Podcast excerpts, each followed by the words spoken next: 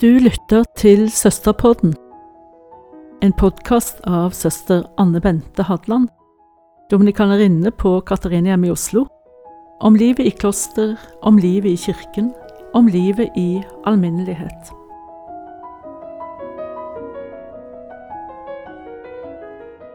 Vi nærmer oss en stor helg for ordensliv i Norge.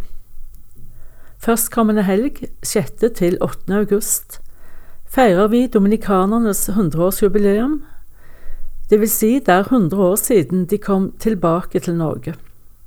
For dominikanernes historie i Norge er lengre. De var her også 300 år før reformasjonen. I tillegg er det 800 år siden vår grunnlegger Dominikus døde, og søndag 8. er hans festdag. Vi, søstrene på Katarinahjemmet, gleder oss med våre brødre og ser frem til å feire sammen med dem og søstrene på Lunden, legdominikanerne og alle som står brødrene nær. Men i oppløpet til denne feiringen har det blitt litt oppmerksomhet omkring en medbror som har valgt å forlate ordensliv og prestestand. Det skjer iblant, og det er alltid trist når noen går. Det er like lite ønskelig som når noen bryter ut av et ekteskap. Men så skjer det altså likevel. Det som derimot har fått lite oppmerksomhet, er to andre store og gledelige klosterbegivenheter. På Grefsen hos St. Søstrene avla fem unge kvinner sine evige løfter, og i Bergen kunne søster Mary feire 60 år i kloster. Det er verdt applaus. Men hvordan forholder det seg nå egentlig med brødre og søstre, munker og nonner, hva snakker vi om? Søsters søster kaller min storebror meg iblant, for jeg er jo søsteren hans fra naturens side, ikke sant? Samtidig som jeg altså er søster i et klosterfellesskap her på Majorstua i Oslo. Jeg er oppvokst med to brødre, en storebror og en tvillingbror, og har alltid vært fornøyd med det. Jeg har aldri savnet noen søster. Men så fikk jeg dem likevel, mange og forskjellige. Andre kulturer, andre generasjoner, en helt annen bakgrunn. Overveldende, rett og slett, men til å leve med, og leve lykkelig med når man først er kalt til det. Ja, for man er kalt til å gå i kloster. Kall får være tema en annen gang, her skal det dreie seg om språkbruk og om nonner og søstre i Norge. Det heter ikke Søsterpodden for ingenting, så brødrene får ha meg unnskyldt.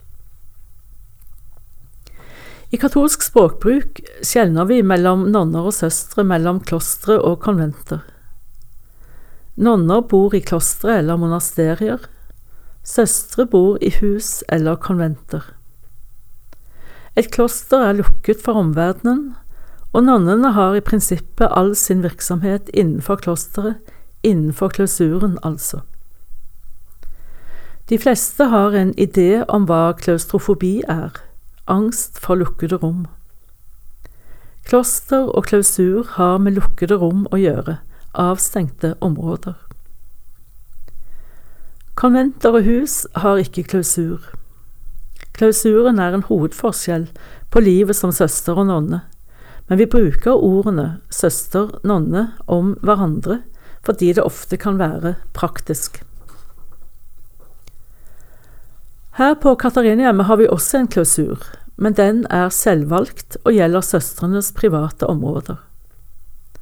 Som noen av dere vet, driver vi studenthjem og gjestehus, og det er vesentlig å ha noe som bare er for oss selv. Det som også kjennetegner søstre, er at de ofte har en aktiv tilstedeværelse i samfunnet. Dette til orientering. Men hvem er de så, søstrene eller nonnene, som befinner seg i Norge i dag? Det var tema for et foredrag jeg holdt i Bergen i fjor høst, under Sunniva-dagene og her får dere et utdrag. Ja, hvem er vi? Den katolske kirke har dype røtter i norsk jord, selv om vi ofte blir omtalt som innvandrerkirke. Og det er vi jo også, helt klart. Og det kan illustreres med følgende eksempel. Jeg holdt en gang et foredrag i en av våre menigheter. Etter foredraget kom en dame bort til meg og sa Så flink du er i norsk, søster. Og jeg tenkte det der er en veldig katolsk reaksjon. Katolsk fordi majoriteten av katolikkene i Norge er utlendinger, og det gjelder også søstrene. Men altså ikke alle. Norskfødte katolikker utgjør i underkant av 10% av katolikkene i Norge.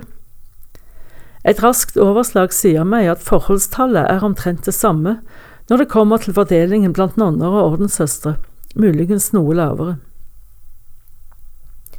I menigheten jeg befant meg i, hadde de også hatt søstre en gang, og det var nederlandske sykepleiere, som etter hvert ble supplert og erstattet med yngre søstre fra Indonesia.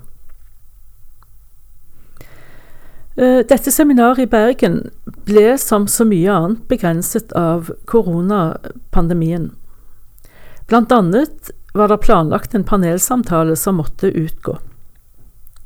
Men jeg omtaler den likevel, for den illustrerer på en måte poenget her. Den skulle bestå av tre katolske ordenssøstre.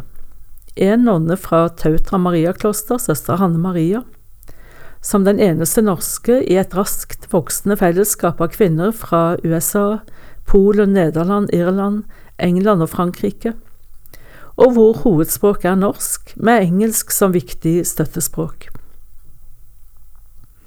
En vietnamesisk søster, søster Lucia fra Hønefoss, hun bor i et helt vietnamesisk fellesskap, men hvor søstrene snakker norsk og studerer og arbeider på norsk.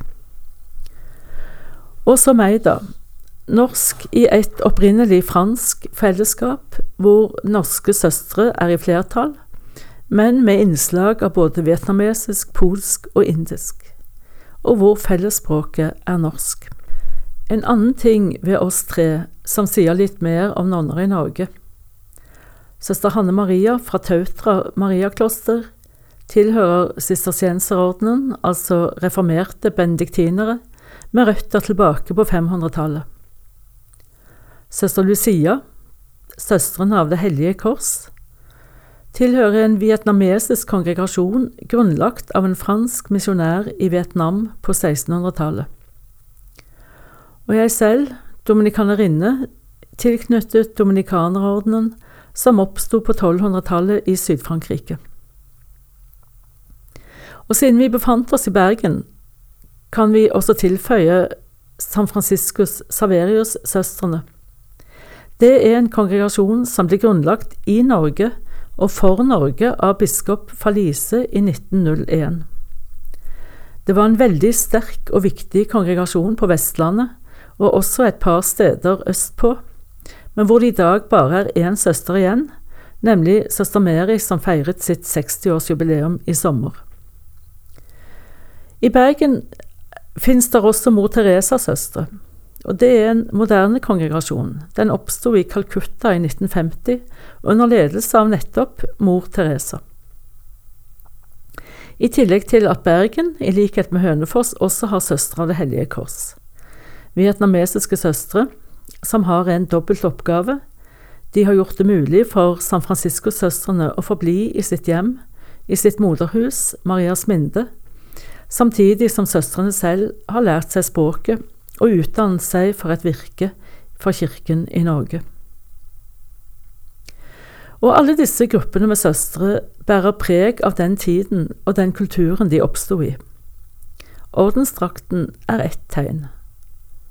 Selv går jeg rundt i en kopi av en middelalderdrakt. Mor Teresa-søstrene i indisk sari. Og Det hellige kors i en funksjonell utgave av vietnamesisk tunika og vide bukser.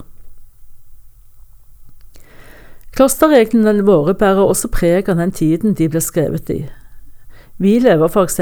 etter Augustins regel. Den stammer fra 400-tallet og er et direkte resultat av, ikke regelen altså, men vår, at vi bruker den, at vår grunnlegger Dominikus opprinnelig var augustiner. Augustins regel er bare én av mange klosterregler, men for alle gjelder det at evangeliet er selve regelen. Idealet for det kristne klosterlivet i dag er som det alltid har vært.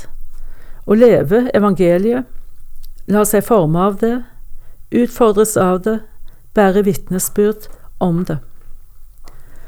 Så mens veiene og formene er mange og ulike, er det grunnleggende kallet det samme – et liv i Jesu Kristi etterfølgelse. Be for oss at vi må være troverdige vitner.